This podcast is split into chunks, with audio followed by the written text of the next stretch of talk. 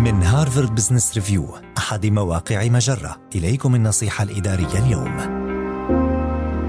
اقتراحات لتغيير دفة الحديث عند المقابلات. من الواضح أن تحويل مسار الحديث يمكن أن يكون وسيلة مفيدة في حالات التفاوض وإجراء المقابلات الشخصية، إذ إنها تساعدك عندما يطرح عليك سؤال صعب في تفادي تكبد العواقب التي قد تصاحب استخدامك لأسلوب الصراحة في الإجابة أو رفض الإجابة. لذا فيما يلي بعض الاقتراحات التي تساعد في تحويل مسار الحديث بفعالية عند الإجابة عن الأسئلة الصعبة. توقع الأسئلة الصعبة والمباشرة التي من المرجح أن تطرح عليك وبالتالي يمكنك تجهيز الإجابات عما تتوقعه من أسئلة ويمكنك التفكير بشأن الأسئلة التي لا تود الإجابة عنها لكي يتسنى لك إعداد أجوبة لها. استخدم روح الفكاهة بدقة فيمكن للقليل من الفكاهة تغيير دفة الحوار إلى موضوع مختلف وإرسال إشارة مفادها أنك تود إقامة تواصل لطيف. تمرن مع زميل لك مسبقا على أسئلة تحويل الحوار لأنه من الصعب استنباطها في المقابلة، وتوقع الإجابات عن أسئلة تحويل مسار الحديث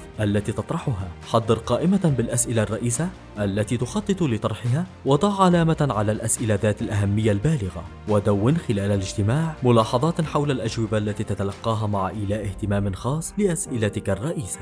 هذه النصيحة من مقال كيف تحول مسار الأسئلة الصعبة في المقابلات الشخصية أو المفاوضات؟ النصيحة الإدارية تأتيكم من هارفارد بزنس ريفيو أحد مواقع مجرة. مصدرك الأول لأفضل محتوى عربي على الإنترنت.